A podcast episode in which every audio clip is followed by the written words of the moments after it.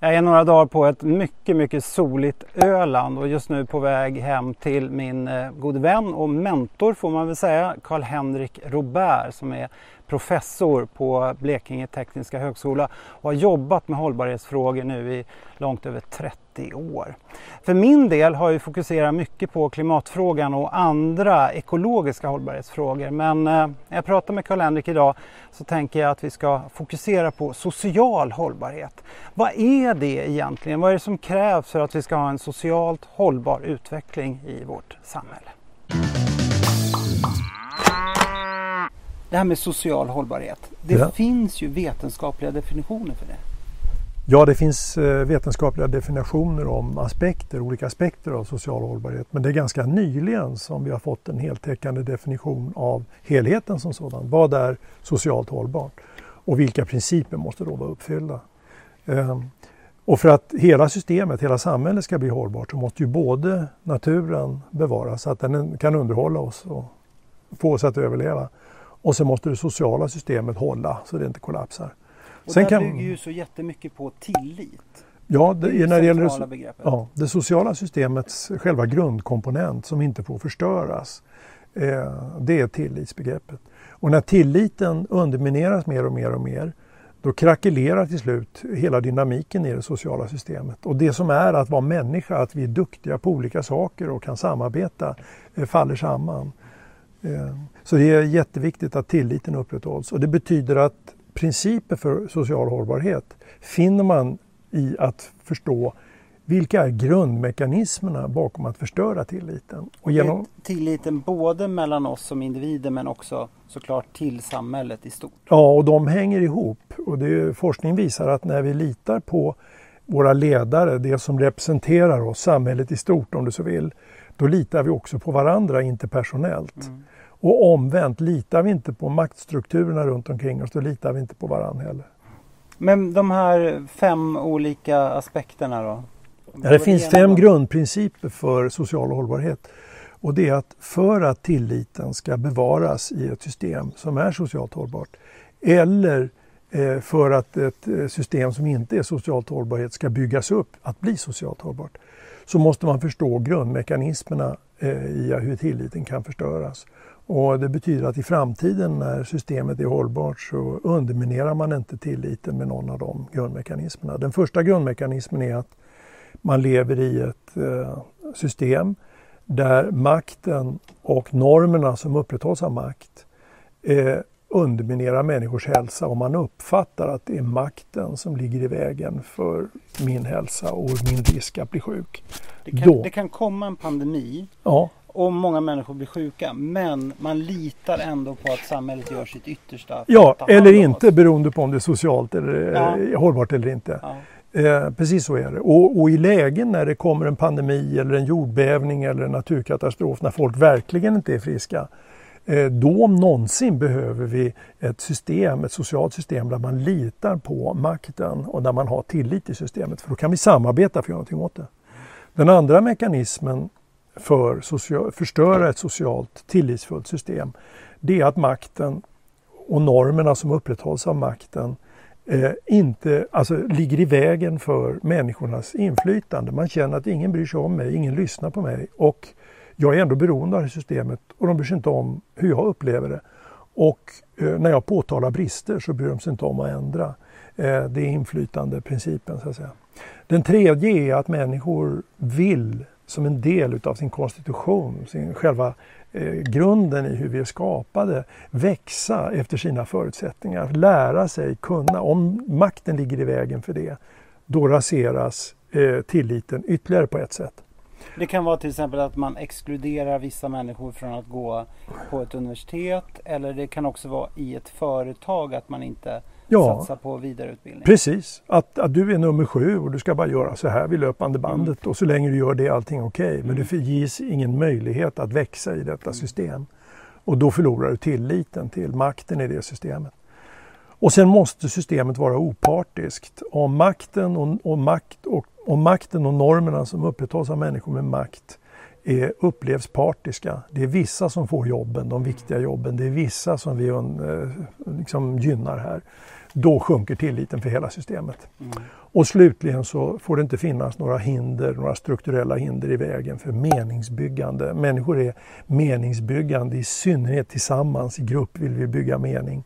Och om makten ligger i vägen för meningsbyggande. Det kan vara allt ifrån religiös frihet till kulturell frihet och inte minst att bygga mening på arbetsplatsen och känna genom hela sitt väsen att det här är viktigt det vi gör och bygga upp det som en gemensam eh, värdegrund och en gemensam känsla av vad som är viktigt. Och det måste ju vara extra viktigt då i ett, i ett mångkulturellt samhälle? Absolut. Samtidigt som man då kan förstå att om vår mening är att hjälpa människor på det här sättet eller bota sjukdomar eller skapa en infrastruktur som fungerar då är det ju en enorm kraft att man har flera olika kulturer och dimensioner och kunskaper. För i den mångfalden kan man då skapa en ännu starkare värdeökning genom det man gör i ett bolag eller i en kommun. Så att mångfalden kan vara en styrka i ett system om man har robusta principer för att förstå mekanismerna att riva ner tilliten så att man inte kör någon av dem. Men vilka är de tydligaste strukturella hindren som finns idag då i, i Sverige och i, i, resten av Europa och, och, resten av världen också? Ja, det, det finns ett, ett forskargäng som har gått igenom eh, vad som river ner tilliten och skapat en proxy för det. Alltså ett, ett mätetal som med sig för en massa andra som också är illa om det är illa här. Och det är stora skillnader, ekonomiska skillnader mellan, mellan människor. Så om makten och, struktur, och maktstrukturerna bryter mot de här principerna som jag sa, då ökar risken för att det också blir en väldigt stora löneskillnader, inte minst för den här eh, opartiskhet-principen eh, som jag talade om. Och när då människor driver isär av ekonom, på ekonomiskt sätt så att de som har eh, får ännu mer och till slut får de ännu mer av att bara ha för att man har ordnat ett finanssystem som gör att de som är rika har lättare att fortsätta att vara rika och de som är födda fattiga fortsätter att vara fattiga. Eh, ju längre man glider ut på den, eh, på den grenen så att säga, desto större bekymmer får man. Och ska man då säga någonting så är det att Sverige har haft den högsta tilliten i hela världen för att vi byggde upp ett system som av människorna uppfattades som rättvist. Inte för att alla hade lika mycket, men för att man hade så mycket att man kändes rättvist behandlad. Och när den börjar svikta och krackelera då glider människor isär och då får man de bekymmer vi ser idag i Sverige där eh, den svenska världsledande tilliten eh, börjar undermineras. Mm. Du är inne på något väldigt intressant där. För, för, min del, jag har ju mest jobbat med, med ekologisk hållbarhet, klassiska miljöfrågor, inte minst klimatfrågan. Där kan man ju mäta objektivt till exempel hur mycket koldioxid är det i atmosfären. Men när det gäller social hållbarhet, då är det ju faktiskt subjektiva upplevelser. Ja. Hur, hur mäter man det på ett vetenskapligt korrekt sätt? Ja, det korta svaret är intervjumässigt. Alltså det, eftersom det handlar om hur människor uppfattar situationen. Den uppfattas som att man lyssnar på mig. Den uppfattas som att man ger mig möjligheter att växa efter min stjärna och vad det nu är. Eh, så är det det också som är huvudmåttstocken här. Man, uppfattar, man frågar människor hur de uppfattar systemet. Och ju kunnigare den är som ställer frågorna desto säkrare kan man ställa dem så att svaren man får verkligen statistiskt visar någonting. Och sen låter man sådana undersökningar följa på varandra i hela nationer. Så det finns stora eh, internationella undersökningar där man har intervjuat människor ifrån, land, ifrån länder världen över. Och då får man också en longitudinell, alltså över tiden, eh, en jämförelse inom varje land. Men också hur skillnaderna mellan länder utvecklas över tid med förklaringar som hör till. Så det har blivit ganska robust vetenskap men den har inte funnits sedan länge. Eh, den har nog lärt sig väldigt mycket av naturvetenskapen och statistiken runt eh, naturvetenskapliga undersökningar för den har blivit bättre och bättre och inte minst inom eh, statsvetenskapen har det här utvecklats bara sedan 90-talet till fantastiska höjder faktiskt. Mm. är att lita på. Jag vet ju att du började fundera på de här frågorna redan för 30, snart 35 år sedan. Eh, vad, vad, tycker du har hänt i, i hållbarhetsvärlden under de här alla årtionden som du har varit. Du har ju varit en förebild för mig och, och så många andra. Ja, det, I början så handlade det väldigt mycket om att få människor att förstå att nu vi har ett problem. Alltså Houston. Houston, we have a problem. Eh, det är någonting, ett, ett ordentligt bekymmer. Och eh, eh, det, där är vi idag. Det vet de flesta beslutsfattare nu och den diskussionen är nästan över. Nu handlar det om att lära sig hur gör man rent strukturellt. Och där finns det mycket mera tyckanden, ofta vackra tyckanden, väl sammansatta tyckanden, men de duger inte för att fatta konkreta beslut. Och det betyder att verktygsarsenalen, när man väl har förstått att detta behöver göras och för vår del i vår organisation, i vår kommun, så är det en enorm egennytta, inte minst ekonomiskt, om vi lär oss det bättre än konkurrenterna. Men därifrån till att använda alla de här verktygen och sätta ihop dem på ett systematiskt sätt så att man eh, ökar eh, även sina ekonomiska förutsättningar för att man gradvis gör mindre och mindre skada ekologiskt och mindre och mindre skada socialt. Och då kapitaliserar att man får en arbetsgrupp kanske i ett företag eller en kommun som är Eh, innovativa, glada, dynamiska, litar på varandra, utnyttjar att man är duktig på olika saker. Man får en väldig puls i en sån organisation och omvänt. Och eh, eh allt eftersom naturen förstörs så kommer efterfrågan på sådana eh, lösningar som inte förstör naturen att bara växa eh, och systematiskt. Av, av en massa olika skäl som är väl utredda hur det går till.